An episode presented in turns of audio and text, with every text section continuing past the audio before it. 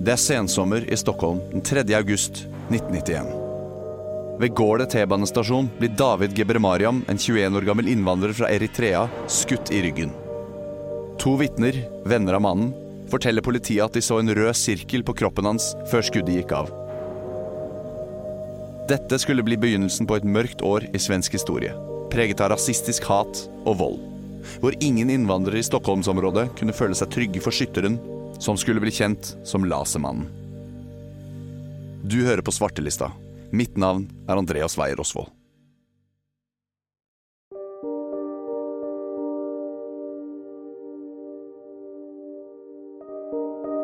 Den 12. juli 1953 blir en gutt født på Lidingøy øst for Stockholm. Lille Wolfgang Zaug fødes inn i en innvandrerfamilie med sin tyske mor Hilde Müller, som hadde flyktet fra bombefallet i byen Soest, og sin sveitsiske far Egon Zaug.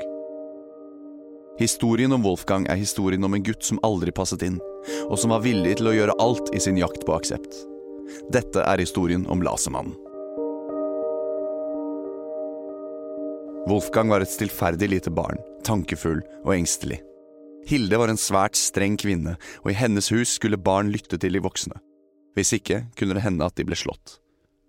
Wolfgang hadde beksvart hår, noe han hadde arvet fra faren. Han var født på 50-tallet, eh, veldig mørkhårig. Eh, folk bruker tro at han kom fra Iran eller Mellomøsten. Og på den tiden så var det veldig, veldig uvanlig att være så mørk i Sverige. Och han berättade för mig att han blev mobbad sen, ända sedan barnsben. Han kallades för negern, han fick inte vara med och leka med de andra barnen. Han, då hette han Wolfgang Traug, ett namn som också utmärkte sig som annorlunda. Han kände sig aldrig som en del av gemenskapen. Han kände sig utanför. Han kände sig som en av dem. Och väldigt stor del av hans liv handlade om att försöka bli en vanlig svensk. Du hører stemmen til Gellert Tamas, forfatteren og journalisten som har hatt flest samtaler med Lasermannen, og som i 2002 skrev den kritikerroste boken Lasermannen en berettelse om Sverige. Wolfgang hadde endelig fått noen kamerater på skolen før han motvillig ble sendt av gårde av foreldrene for å gå på en tysk skole. Han hatet den nye skolen og de nye lærerne. Men etter hvert begynte han å se lysere på tilværelsen da han traff den tyske gutten Gustav.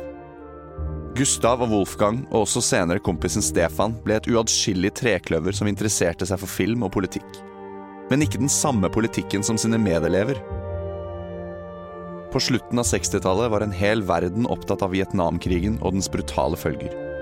Mange gikk i tog for å protestere, og de fleste av Wolfgangs klassekamerater var imot krigen men ikke Wolfgang. Han var svært opptatt av hvor ineffektiv han mente sosialismen var. Han hadde et sterkt hat mot frigjøringsbevegelsene, mot hippiene, mot det han mente var amoralsk og skittent. Sex, rus og rock'n'roll var Wolfgang, Gustav og Stefan sterkt imot. Guttene hørte på klassisk musikk, kledde seg i penklær og verdsatte overalt en praktisk, realistisk livsstil uten overflod og hedonisme. Og Wolfgangs meninger var ekstremt sterke. Han kranglet med alt og alle, og jo eldre han ble, jo mer bestemt ble han på at han var den eneste fornuftige stemmen i en verden i kaos. Ingen på hans alder hørte på musikken hans, så på de samme filmene som han, eller mente det samme om utenrikspolitikk. Etter hvert mistet han mer og mer kontakt med Gustav og Stefan. De to modnet, la ifra seg de sterke meningene, og fikk etter hvert også koner og barn, rekkehus på landet og godt betalende jobber. Slik skulle det ikke gå med Wolfgang. Gjennom 20-årene slet Wolfgang med mye. Han begynte å forakte den han egentlig var, sitt utenlandske utseende og navn. Han sluttet gradvis å holde kontakten med moren og broren, og i 1979 døde faren Egon av et hjerteinfarkt som følge av det enorme alkoholmisbruket hans gjennom årene.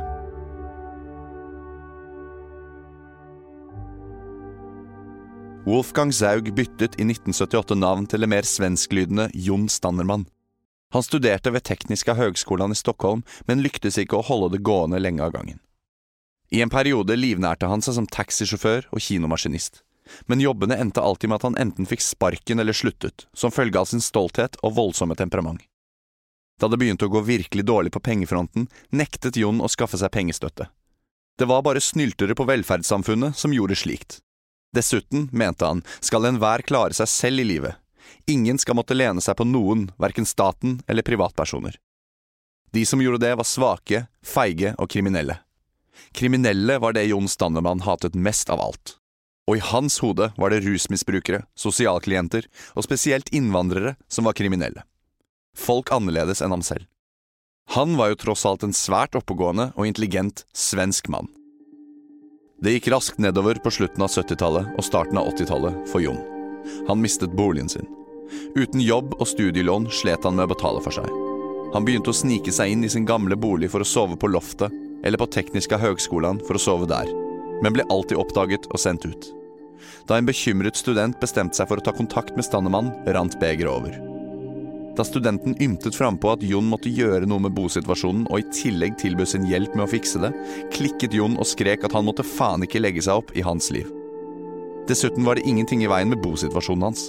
Han beskyldte mannen for å ha hatt en dårlig barndom for å kunne finne på å si noe sånt, at han måtte være sengeveter, før han gikk sin vei.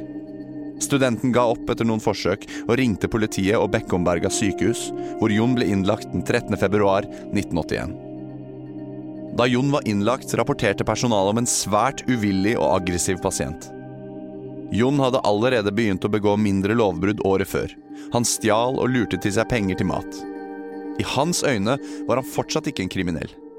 Lover er viktige, men ikke dumme lover, skal han ha rasjonalisert dette med. Tross heftige protester ble Jon holdt på Bekkomberga til han tilsynelatende var frisk nok til å slippe ut. For mange fremsto ikke Jon Stannemann som noe annet enn en vennlig og høflig mann. Det var denne siden han viste de fleste. Han var dessuten alltid velkledd, selv da han var hjemløs og bodde på gaten. Altså, Jon Ausonis er jo en person som han tapper fotfestet mer og mer jo eldre han blir.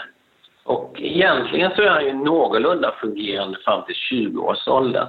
Eh, han började tappa fotfästet rejält kring 25-årsåldern. Han hade försökt gå på universitet men inte lyckats och fick inget jobb.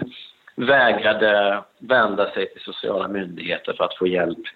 Och sakta sakta så gled han in i någon sorts kriminalitetens värld där han först började med att förfalska checkar, eh, slå sönder parkeringsautomat för att plocka åt mynten, vilket var vanligt då med de här parkeringsautomaterna. Och gick stegvis videre tills, tills han till slut började råna banker. Gjennom 80-tallet eskalerte omfanget av Jon Stannermanns kriminelle atferd i et voldsomt tempo.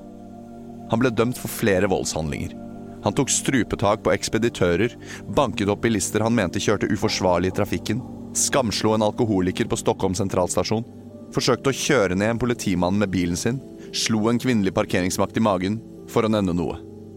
Hans vold var blind og kunne ramme hvem som helst. Jon prøvde seg også i militæret. Der lærte han å bruke våpen og markerte seg som en glimrende skytter. Men han hadde ikke respekt for autoritetene der heller. Mirakuløst nok fikk han fullføre tjenesten, til tross for at han ble tiltalt for åtte ulike forbrytelser i løpet av sin verneplikt alene flere av dem voldsartete. Han drev også med postsvindel og bedrageri, og var i 1980 tiltalt for 27 tilfeller av dette. Han dukket ikke opp i retten ved flere anledninger, og klarte å dukke unna fengselsstraff i tre år. Etter å ha mistet løyvet som taxisjåfør begynte han å kjøre pirattaxi, hvor han havnet i flere voldelige situasjoner. Ved ett tilfelle slepte han en mann etter bildøren fordi mannen av prinsipp ikke ville sitte på i pirattaxien hans.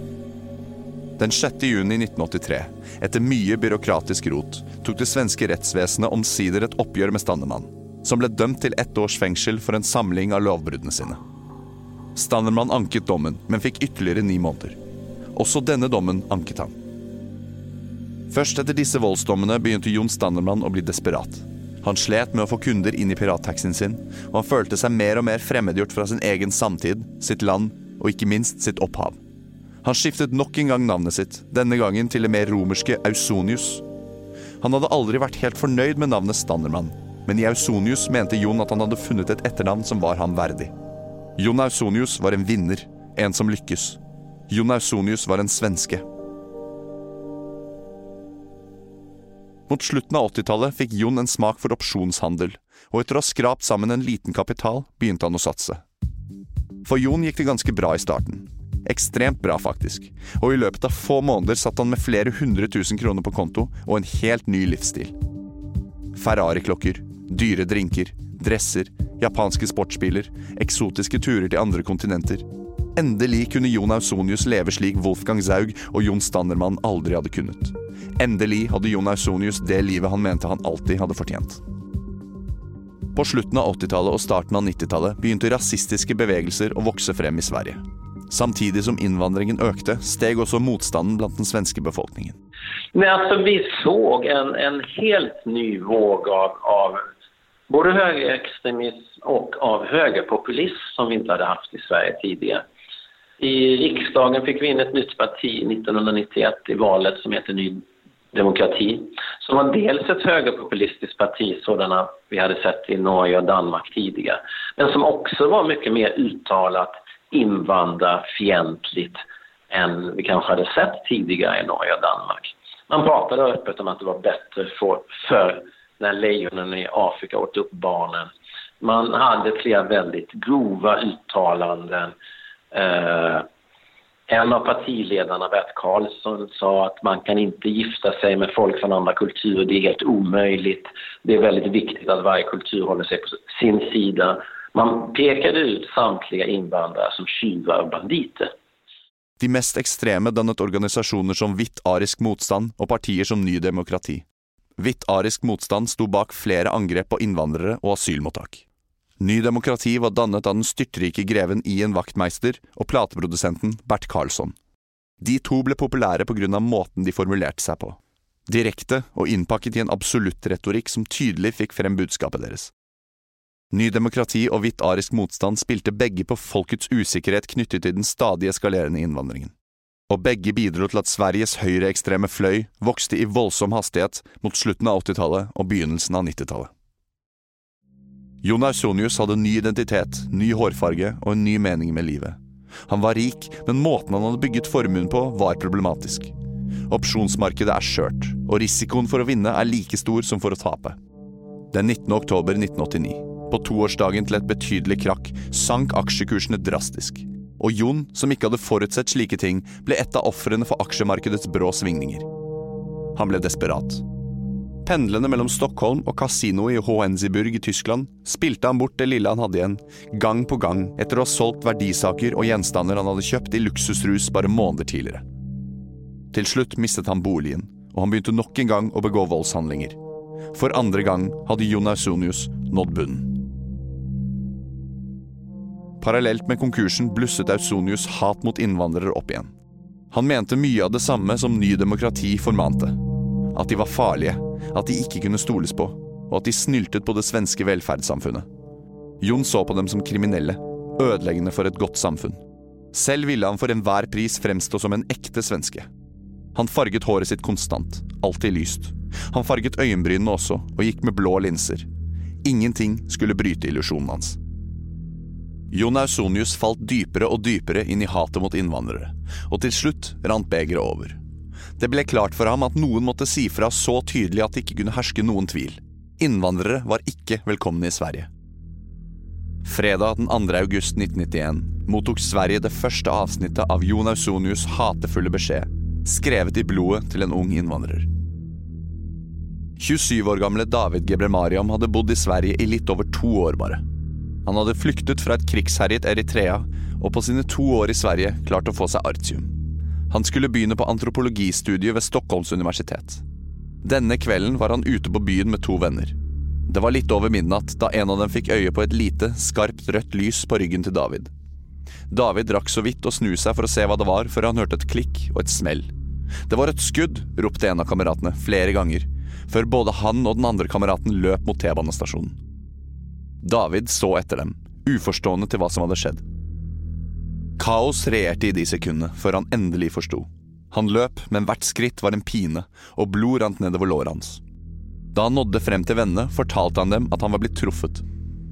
De prøvde å finne hjelp, men folk var skeptiske til å slippe tre unge innvandrere inn døra etter midnatt. En mann avslo å kjøre David på sykehuset fordi han ikke ville få blod på setene sine. Til slutt besvimte David Gebremariam der på åpen gate.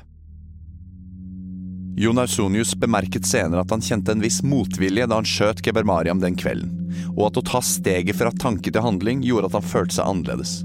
Han følte seg som et dårlig menneske. Dette var jo ikke nødvendigvis gjengmedlemmer eller kriminelle.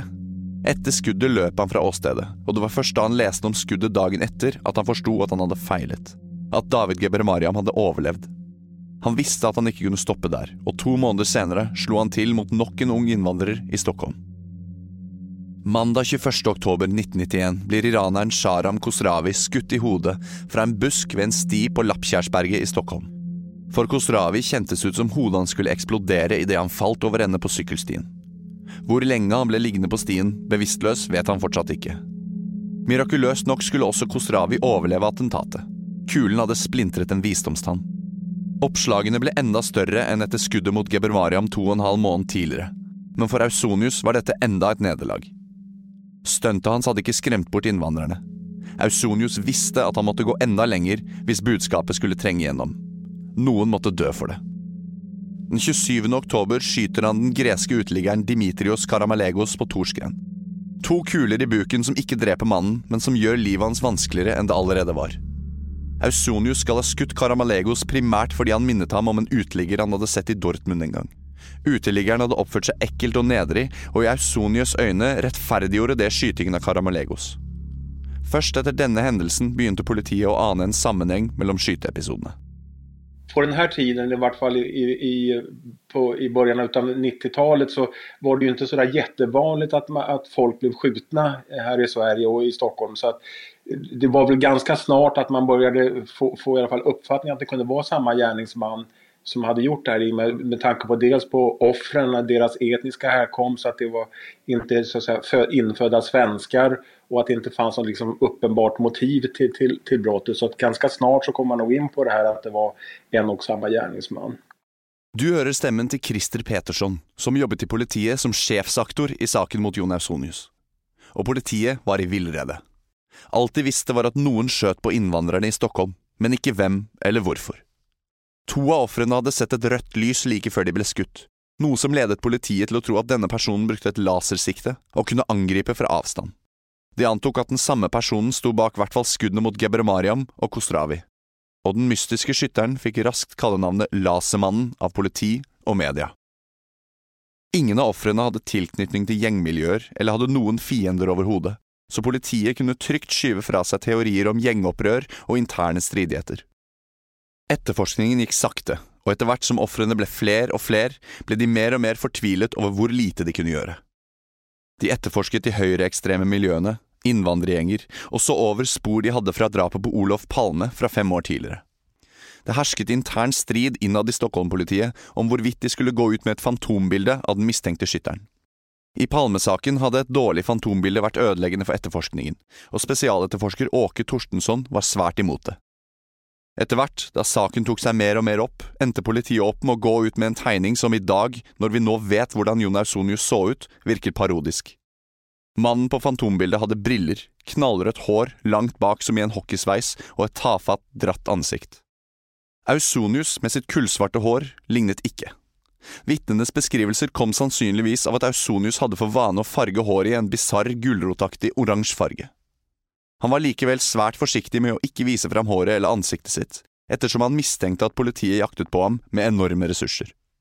Etterforskerne rev seg i håret og kunne ikke annet enn å vente på at lasermannen skulle slå til igjen. De visste at det bare var et spørsmål om tid før noen ville miste livet. Fredag 1. november 1991, klokken ett på dagen, gikk Eberson Viera da Costa bærende rundt på utstyr til en spillejobb samme kveld på Brygghuset festsal like ved Odenplan. Etter en liten stund følte han at noen så på ham, og da han snudde seg, var en mann i trenchcoat bare et par meter unna ham. Da Costa rakk bare så vidt å spørre om det var noe han kunne hjelpe mannen med, før han ble blendet av et rødt lys og truffet av tre skudd som sendte han i bakken. Kjeven og magen hans splintret av kulene fra lasermannens gevær. Det siste Eberson hørte før det svartnet for han, var et hjerteskjærende skrik. Han tenkte at mannen hadde gått opp til de andre og begynt å skyte dem òg, før han innså at skrikene kom fra han selv. Senere fortalte Ausonius at han kunne henrettet Eberson Viera da Costa da han skjøt ham på Brygghuset den dagen, men klarte det ikke. Han så ennå ikke på seg selv som bøddel han mente Sverige trengte. Han pekte geværet mot hodet til da Costa da han lå nede, men klarte ikke trekke av. Da Costa var det fjerde offeret på rad som overlevde angrepet fra lasermannen, men rekken skulle ikke vare. En uke etter attentatet på Da Costa, fredag 8. november, skjøt lasermannen iraneren Jimmy Ranjbar utenfor hans hjem i Kjørsbergsvegen idet han var på vei til kino klokken fem om ettermiddagen. Ranjbar ble truffet i hodet og døde av skadene. Han etterlot seg en kone og to barn. For Ausonius var Ranjbar en komplett tilfeldighet. Ausonius hadde duppet av bak en konteiner der han lå i vente på noen å skyte. Og da han våknet, sto Ranjbar der nede i gaten, med ryggen til geværet. Det var bare å skyte ham i hodet for Ausonius. På dette tidspunktet visste han med total sikkerhet at han hadde krysset en grense. Han hadde nok selvinnsikt til å forstå at ved å skyte en uskyldig mann, hadde han skåret alle innvandrerne over samme kam. Jon Ausonius hadde ingen å prate med om det han hadde gjort, om samvittigheten. Men fengsel var helt utelukket. Han skulle ikke tilbake dit. Han reiste til Las Vegas for å få det hele på avstand. For Jon Ausonius var det ingen lettelse i å drepe, men nå var det i det minste overstått. Nå ville folk forstå budskapet hans. At de måtte ut av Sverige. Historien om Lasermannen fortsetter etter dette. Lasermannen overtar nyhetsbildet i Stockholm, og frykten brer seg over innvandrermiljøene. John Ausonius attentat skapade ju någonting som kan betegnes som panik i Stockholm. Eh, det var tio attentat kvällstid og senare även mitt på dagen, mitt i centrala Stockholm. Och den här röda pricken som dansade över folk och sen så blev människor skjutna, det blev ju det stora samtalsämnet. Jag tror oavsett vem du pratar med i Stockholm som bodde i staden på den tiden kommer att berätta hur de kommer ihåg den här skräcken som fanns med den här röda pricken på lasersiktet som, som när som helst kunde träffa. Den 30. november hvert år markerer dødsdagen til kong Karl 12., som er en av Sveriges mest kjente krigerkonger. Karl 12s dødsdag var en viktig symbolsk dag for nasjonalistiske krefter som Sverigedemokraterna, Og i 1991, midt i lasermannens terrorvelde, var det flere som fikk nok. 30. november 1991 ble en dag preget av hat, vold og demonstrasjoner. Kvelden før ble en 23 år gammel skinhead skutt og drept av politiet i Malmö etter at den unge mannen sammen med en gjeng angrep flere tjenestemenn. Sverigedemokraterna, Hvitt arisk motstand og andre organisasjoner protesterte voldsomt mot politiet, og flere motdemonstrasjoner oppsto. Lasermannen hadde definitivt gjort sitt for å bygge opp under rasekrigen i Sverige. Den kvelden kunne man, midt i Stockholm sentrum, høre utrop som negersvin, jødesvin, sig heil og ut med pakke. Politiet lot hattoget få gå som planlagt til tross for massive protester. Det hele endte med masseslagsmål, hvor glassflasker ble smadret mot hoder, brosteiner fløy gjennom luften til ekko av knus rasisme fra én side og sig heil fra den andre. Det hele endte med 107 pågripelser og et Stockholm mer splittet i hat og frykt enn noensinne. Lasermannen hadde gjort mer enn å skyte innvandrere de siste månedene, men det var det bare én person som visste. Jon Ausonius hadde gang på gang spilt bort pengene han hadde vunnet, på rulett. Det var en evig sirkel han visste han ikke kunne fortsette i lengden. Det siste barndomsvennen Gustav hadde sagt til han i raseri for at Jon hadde snytt ham for 100 000 kroner, var Hvorfor raner du ikke bare en bank, så blir du kvitt hele greia? i respons til Jons stadig økende gjeld. Utsagnet var ikke ment seriøst, men det hadde plantet en spire i Jons hode. Den 25. september 1990 ranet han Foreningsbanken for over 100 000 kroner.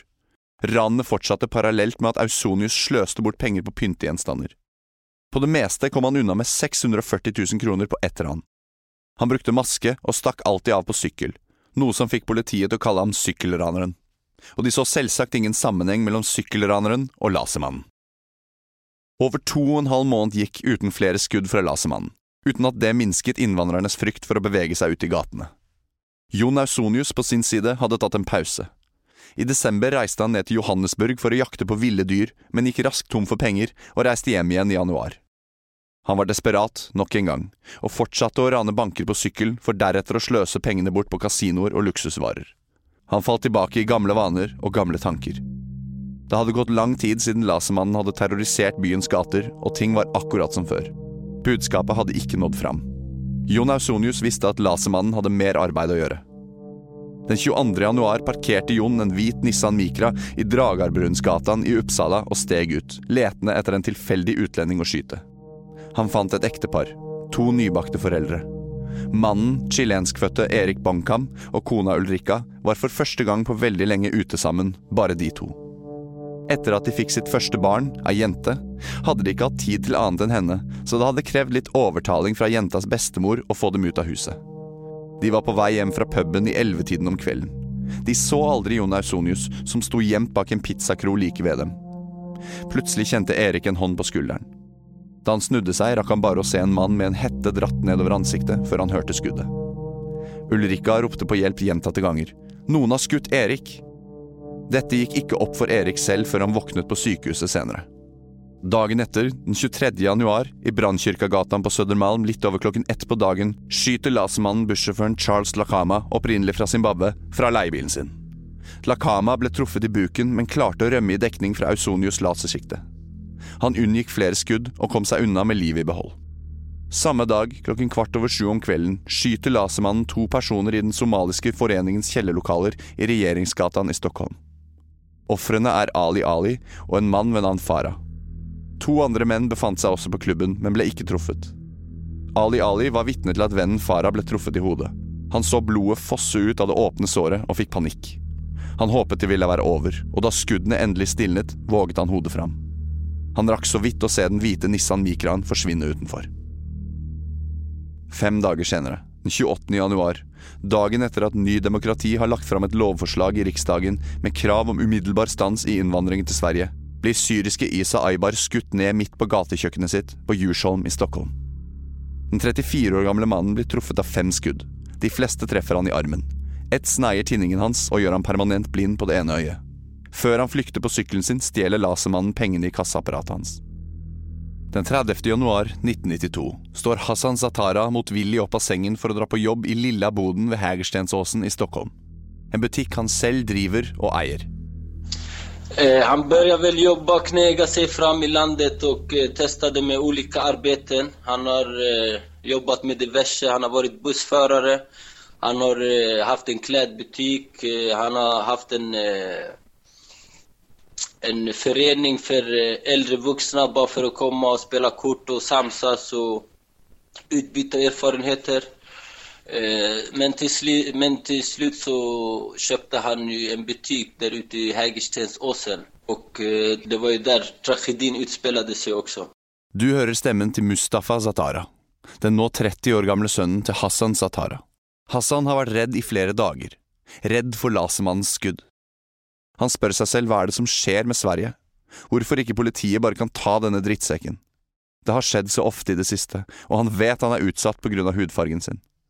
Han vet at lasermannen ønsker ham død. Og eh, han står eh, bakom kassan. Og det er rundt lunsjtid, så det går rett snabbt. Min pappa, jeg har spurt ham om om denne sekvensen. Det går så snabbt, han, han hinner ikke reagere.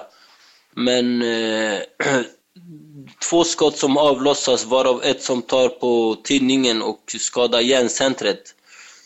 Så att eh, det är väl det han eh, det är väl det han hinner förstå att det är någon som försöker skjuta på honom och sen så svartnar det till. Lasermannen flykter igjen fra åstedet, mens Hassan ligger blødende igjen på gulvet. Ja, jeg var fem-seks år gammel faktisk, så det var ikke, jeg var ikke så kjempegammel. men eh, man minns jo, man minnes jo hvor man var, hvordan man opplevde saker og ting. Eh, jeg hadde ju syskon som var äldre, och de, de, de har ju liksom förstått saker och ting mycket närmare än mig. Men jag minns att det, det är tragedi, det är mycket skrik och det är kaotiskt. Eh, det är rädsla hemma, mina syskon liksom vet inte vad, vad de ska göra. Min pappa är skjuten, han ligger på koma. Eh, vi vet inte, kommer han leva eller kommer han dö? Mycket ovissheter. Alle disse seks ofrene, skutt innenfor et tidsrom på åtte dager, overlevde angrepene. Alle ble dypt påvirket av skuddene, både psykisk og fysisk, og noen av ofrene led alvorlige og varige men. Siste offer, Hassan Zatara, kan ikke i dag lenger prate, og mistet synet på høyre øye. Også Isa Aybar ble blind på det ene øyet. Lasermannens herjinger fikk enda mer oppmerksomhet, og jakten på ham står igjen som den nest største politiaksjonen i svensk historie, etter etterforskningen av mordet på Olof Palme. Statsminister Carl Bildt gikk ut i media og fordømte angrepene. Dette gjorde Jon Ausonius nervøs og skulle lede til at han flyktet fra landet rett etter angrepene. Men det var for sent for ham. Lasermannen hadde gjort fatale feil langs veien, og de feilene skulle få konsekvenser. Den 10. februar 1992. Politiet vet ennå ikke hvem som står bak identiteten til Lasermannen, og panikken rår som aldri før blant Stockholms innvandrere. Men det de vet, er at Lasermannen, bare noen uker tidligere, la igjen ledetråd. Sjefsaktor Christer Petersson forteller om gjennombruddet. Det var et, som sagt et omfattende polisarbeid. Vi hadde en hel del vittnesuppgifter. Eh, men en veldig viktig del var at eh, poli, eh, vid av de her skjutningene så hadde vittnen pratet om en liten hvit bil. Eh, och eh, vi började då kontrollera eh, små vita bilar och det som var intressant det var Nissan Micra, en mindre modell. Och polisen gick igenom alla uthyrda Nissan Micra-bilar. Och genom den så att säga, kartläggningen så fick man fram om att en person som sedermera visade sig vara John Ausonius hade hyrt en sånn här Nissan Micra-bil eh, i tidpunkter som kunne passe inn med de her skjutningene. Så da fikk man på, på allvar opp spåret mot honom. Når en politimann på programmet Efterlyst denne kvelden ser rett inn i kamera og kunngjør disse faktum, blir Jon Ausonius skrekkslagen. Han må flykte fra Sverige til det hele roer seg. Dessuten har han oppnådd det han ville. Senere uttalte Ausonius at skuddene til slutt nesten bare var en avledning fra de 17 ranene han begikk i samme periode. Jon bestemte seg for å reise tilbake til Sør-Afrika, for igjen å prøve lykken som troféjeger. Men først måtte han kvitte seg med våpenet han hadde brukt i flere måneder. Han hadde gått vekk fra det notoriske lasersiktet, og hadde i de siste attentatene benyttet seg av en revolver. En natt før avreise gikk han ned til gamle Lidingøbroen og kastet revolveren i elven. Mens han var ute av landet, skjedde det svært mye i jakten på Lasermannen. Av de mange menneskene som hadde kjørt en Nissan Micra, dukket navnet Jon Ausonius opp. Politiet gravde videre, og oppdaget at Jon Stannemann, Ausonius' tidligere navn, var på politiets interesseliste i forbindelse med mordet på Olof Palme. De fikk også vite at Ausonius hyppig farget håret, og på et tidspunkt hadde hatt rødt hår som mannen på fantombildet. Likevel, politiet trengte mer å gå på, og så var det kanskje det største hinderet de kunne ikke finne ham. De fortsatte derfor å avhøre gamle venner, familiemedlemmer, blant dem moren som ikke hadde sett sønnen på over tre år, og var svært bekymret for ham. Politiet dannet seg et bilde av Ausonius. Han hadde svært dyre vaner, dro på eksklusive restauranter og kjøpte luksusklær. Ting en mann uten en fast jobb ikke burde ha råd til. Så, da spørsmålet om hvordan denne hypotetiske morderen kunne ha råd til en slik livsstil, og replikken 'kanskje han er en bankraner' dukket opp, la politiet to og to sammen. De kryssjekket Ausonius' besøk til pantelåneren med datoene etter at den ukjente sykkelraneren hadde slått til. Og til deres lamslåelse passet datoene som hånd i hanske. Den enorme gruppen politifolk satt til etterforskningen av Lasermannen begynte å overvåke alle stedene Ausonius var kjent for å oppholde seg, ventende på at han skulle komme tilbake. Til tross for at Jon Ausonius hadde sverget å aldri igjen returnere til Sverige, steg han i land på havna i Stockholm 19. mai 1992. Kun tre måneder etter han hadde rømt landet. Ausonius hadde spilt bort enorme summer på kasinoer i Sør-Afrika, og nå var han igjen bankerott og desperat. Samtidig slo politiet sirkel rundt ham. En tilfeldig fisker på gamle Lidingøbroen fikk utrolig nok revolveren hans på kroken, bare elleve dager etter Ausonius' hjemkomst. Politiet visste også nå om stedet hvor han regelmessig leide film. En butikk som het Gullrullen. Og etter et tips fra en av de ansatte om at Ausonius hadde vært innom for å leie en film, la de seg utenfor butikken i påvente av Lasermannen. Klokken 10.55 torsdag 11. juni kom han. De skygget han der han syklet gjennom sentrum av byen. Noen ganger mistet de ham, men de fant han alltid igjen. Og når politiet endelig så hvor han gikk inn for natten, kunne de spane på hjemmet hans i Ynglingagatan 5. Dagen etter, litt før halv ni om morgenen, forlot Jon Ausonius leiligheten. Man kunne se at han, at han satte seg på sin sykkel og begynte sykle i vei. Jeg vil minnes at han var eh, noenlunde propert kledd. Han hadde kavaj og ikke til og med kostyme. Han syklet til Södermalm i Stockholm. Sen cyklade han inn på en innergård, alltså i et flerfamiljshus, en innergård og ställde ifrån seg cykeln. Och så kom han ut eh, ur porten. Sen gick han till en bank som ligger på Ringvägen på Södermalm i Stockholm och eh, genomförde ett bankrån. Det var ingenting som polisen hade räknat med att det skulle ske ett rån, rån vid den här tidpunkten.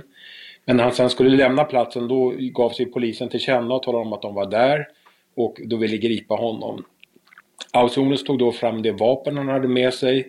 Han riktade det mot eh, en av de polismännen som försökte gripa honom och sköt mot den här polismannen. Han siktade dock ganska dåligt så att han eh, sköt över polismannen och upp. Eh, kulan gick in i, genom ett fönster in på, på en tandläkarmottagning vill jag minnas där en kund satt och skulle få sina tänder lagade. Ausonius hev seg på sykkelen og stakk fra åstedet. Utrolig nok klarte han nok en gang å riste av seg politiet ved å sykle gjennom områder hvor politibilene ikke kom til. Jon Ausonius kom seg til en annen leilighet i Heleneborgsgatan 8. Men politiet hadde allerede sett ham gå ut derfra tidligere og rakk fram idet Jon Ausonius var på vei ut igjen. Han hadde skiftet fra joggeklær til dress og tatt med en attaché-koffert. Klokken var 9.40, omtrent ti minutter etter ransforsøket. Han så politiet, nølte et lite sekund før han strakk hendene i været. Lasermannen var omsider tatt. Historien om Jon Wolfgang Alexander Ausonius slutter ikke å overraske der. I begynnelsen av forvaringen nektet han å ha gjort noe av det han var anklaget for, annet enn ranet han ble tatt på fersken for. Saken bygde på indisier, og det var tidvis vanskelig å håndfast bevise at Jon Ausonius var innblandet i alle attentatene. Han ble frikjent for drapsforsøkene på David Gebremariam og Dimitrios Karamalegos, men ble dømt for drapet på Jimmy Ranjbar, ni drapsforsøk og ni ran. Den 14. januar 1994 fikk Jon Ausonius livstid i fengsel for sine ugjerninger. Oppførselen hans i retten ble et hett tema i mediene. Eh, så når jeg kommer inn, det er da når vi har hovedrettsforhandlingen i, i eh, Stockholm. Og det, det, går bra i den rättegången de første ti dagarna. Så går det rätt bra. Sen när jag kommer till domstolen imorgon så ser jag att det står två mycket molokna advokater utanför och berättar att Ausonius hade försökt strypa dem uppe på häktet och de kunde inte vara kvar som advokater sa de. Så att då ställdes förhandlingen in och Ausonius skulle få en ny försvarsadv nya försvarsadvokater. Och då fick han det efter ett visst tag. Och sen när vi skulle påbörja rättegången på nytt efter en månad eller någonting sånt så kom vi inn i rättssalen och jag stod och packade upp min eh, väska för att ta fram eh, papper och akter och så såg jag i ögonvrån att Ausonius anföll sin advokat och när jag tittade närmare så såg jag att han stod och slog en liten handbandspelare i huvudet på sin advokat och försökte uh, som, misshandla henne ordentligt. Men då kom häktets vakter och brottade ner Ausonius. Dommen falt igjen, uendret, 19. mai 1995. To dager etter dette prøvde Ausonius å flykte ved å stikke en vakt i magen med en brødkniv og stjele nøkkelknippet hans. Han ble overmannet og overført fra Kronobergsfengselet til sikkerhetsavdelingen i Kumla-anstalten. Fem år senere ringte han nettopp Christer Petersson og tilsto alle attentatene samt 20 bankran og forsøk på ran. Och eh, jag ställde bland annat den frågan varför han började att ge sig på eh, och skjuta mot invandrare på det här sättet. Och då sa han ju det att en anledning till det var att han hade ju eh, han finansierade sin tillvaro genom att han rånade banker och det hade blivit ett rykte då, eller det har kommit att den här rånaren kom ofta på cykel och rånade banker och det fanns ju foton där från banker och så vidare. Så att Ausonius ville, sa han till mig, av, eller alltså att polisen skulle sluta å leta efter honom som bankrånare och få någonting annat att tänka på. Och eh, då ställde jag ju frågan att, eh, om det var så smart det då därför att eh, nu fick han ju liksom ett, ett väldigt stort polisuppbåd i Stockholm som arbetade på att jaga efter Lasermannen. Men då var han mest arg på mig och sa bara att ja, men sen tyckte jag inte om invandrare heller, sa han.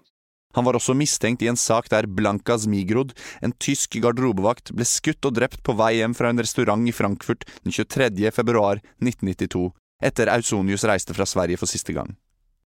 Han skal ha ropt truende til henne bare natten før, og ringte til restauranten der hun jobbet før det igjen. Ausonius skal ha anklaget Zmigrod for å ha stjålet hans elektroniske kalender under et besøk til restauranten. Kulen Smigrod ble drept med, var uvanlig i Tyskland, og Ausonius passer vitnebeskrivelser om høyde og hårfarge. Kvelden etter drapet reiste han til Sør-Afrika, som var hans hensikt hele tiden. Det var likevel ikke nok til å få han dømt for noe, og det er fortsatt uvisst hvorvidt Jon Ausonius drepte Blanka Smigrod. Han benekter det, og det tyske politiet henla saken. Og først nå, rett før julen 2016, ble den tatt opp igjen. Og Jon Ausonius avhøres nok en gang av tysk politi i forbindelse med drapet på Blanka Smigrod. Jag pressade så klart på den frågan. og och sa til ham nå når du har erkjent alt, kan du ikke lämna et ærlig svar på den frågan også? Er det du som ligger bakom mordet på Blanka Smigrod? Och då svarade han, då var han tyst länge och så sa han att förstår du väl att jag inte har någon anledning att komma i bryderi och klammeri med den tyska rättvisan också. Det var hans svar på den frågan. Och det kan man tolka som man vill. Men eh, han förnekade inte utan han svarade att han inte ville komma i bråk med den tyska rättvisan. Han sitter fortsatt fengslet for ugjerningene sine, men det er usikkert hvor mye han faktisk angrer på det han gjorde. Jag kan väl säga så här att eh, då när han ringde mig eh, och ville erkänna brott så ville han ju också tala om att han ångrade eh, sina gärningar, även om man kanske inte uttryckte sig på riktigt på det sättet. Och jag brukar säga att i vanlig mellanmänsklig kommunikation så kan du ju se på en människas ögon till exempel. Om man, om man eh, visar ånger, och man ser ledsen ut, och man är berörd av det hela. Men jag kunde inte se de signalerna hos Avsoni så det är därför jag menar att jag tror att när han erkände de brotten så var det för att han skulle få en förmån när det gällde att eh, få sitt straff tidsbegränsat. Om det finns något svar på frågan eller gåtan om Jonna Ausoni så handlar det väldigt mycket om att när han väl till slut bestämmer sig för att börja mörda människor eller försöka mörda människor som i allt liknar honom själva på utseende, på bakgrund, så handlar det om att han försöker på ett psykologiskt plan bli en del av det vida i majoriteten av det vi brukar kalla oss, en av svenskarna, genom att skjuta på dem som vi definierar som de andra. Och på ett psykologiskt plan så blir det hans sätt att försöka bli accepterad. Och därmed blir de här morden och mordförsöken också del i ett större samhälleligt perspektiv, vilket gör dem väldigt spännande och intressant. Jon Ausonius drepte én person som vi vet om, og skadet ti andre, mellom august 1991 og februar 1992. Han spredte frykt over hele Sverige. Lasermannens handlinger hadde dype ringvirkninger i et samfunn som allerede hadde problemer med voksende høyreekstremisme og innvandrerhat. Man kan den dag i dag finne ekko av hans meninger og holdninger i aviskommentarfelt, sosiale medier og andre plattformer. Men Jon Ausonius selv vil aldri få muligheten til å skade noen igjen. Takk for at du hørte på denne episoden av Svartelista. Dersom du liker Svartelista, setter vi stor pris på en anmeldelse på iTunes. Følg med på Facebook, hvor vi deler en stor utvikling i saken om lasermannen Jon Ausonius. Neste uke avslutter vi første sesong av Svartelista, med den grusomme og bisarre historien om morderen som fylte Sør-Tysklands elver med likrestene av de unge ofrene sine. Svartelista er laget av Kasper Brein Selvig og Andreas Weier Osvold. Lyd ved Joakim Sandvik. Originalmusikk av Trond Bjerknes. Vi vil gjerne få takke Magnus Solli Andersen, Christer Petersson, Mustafa Satara og Geller Tamas. Svartelista er laget i samarbeid med både og.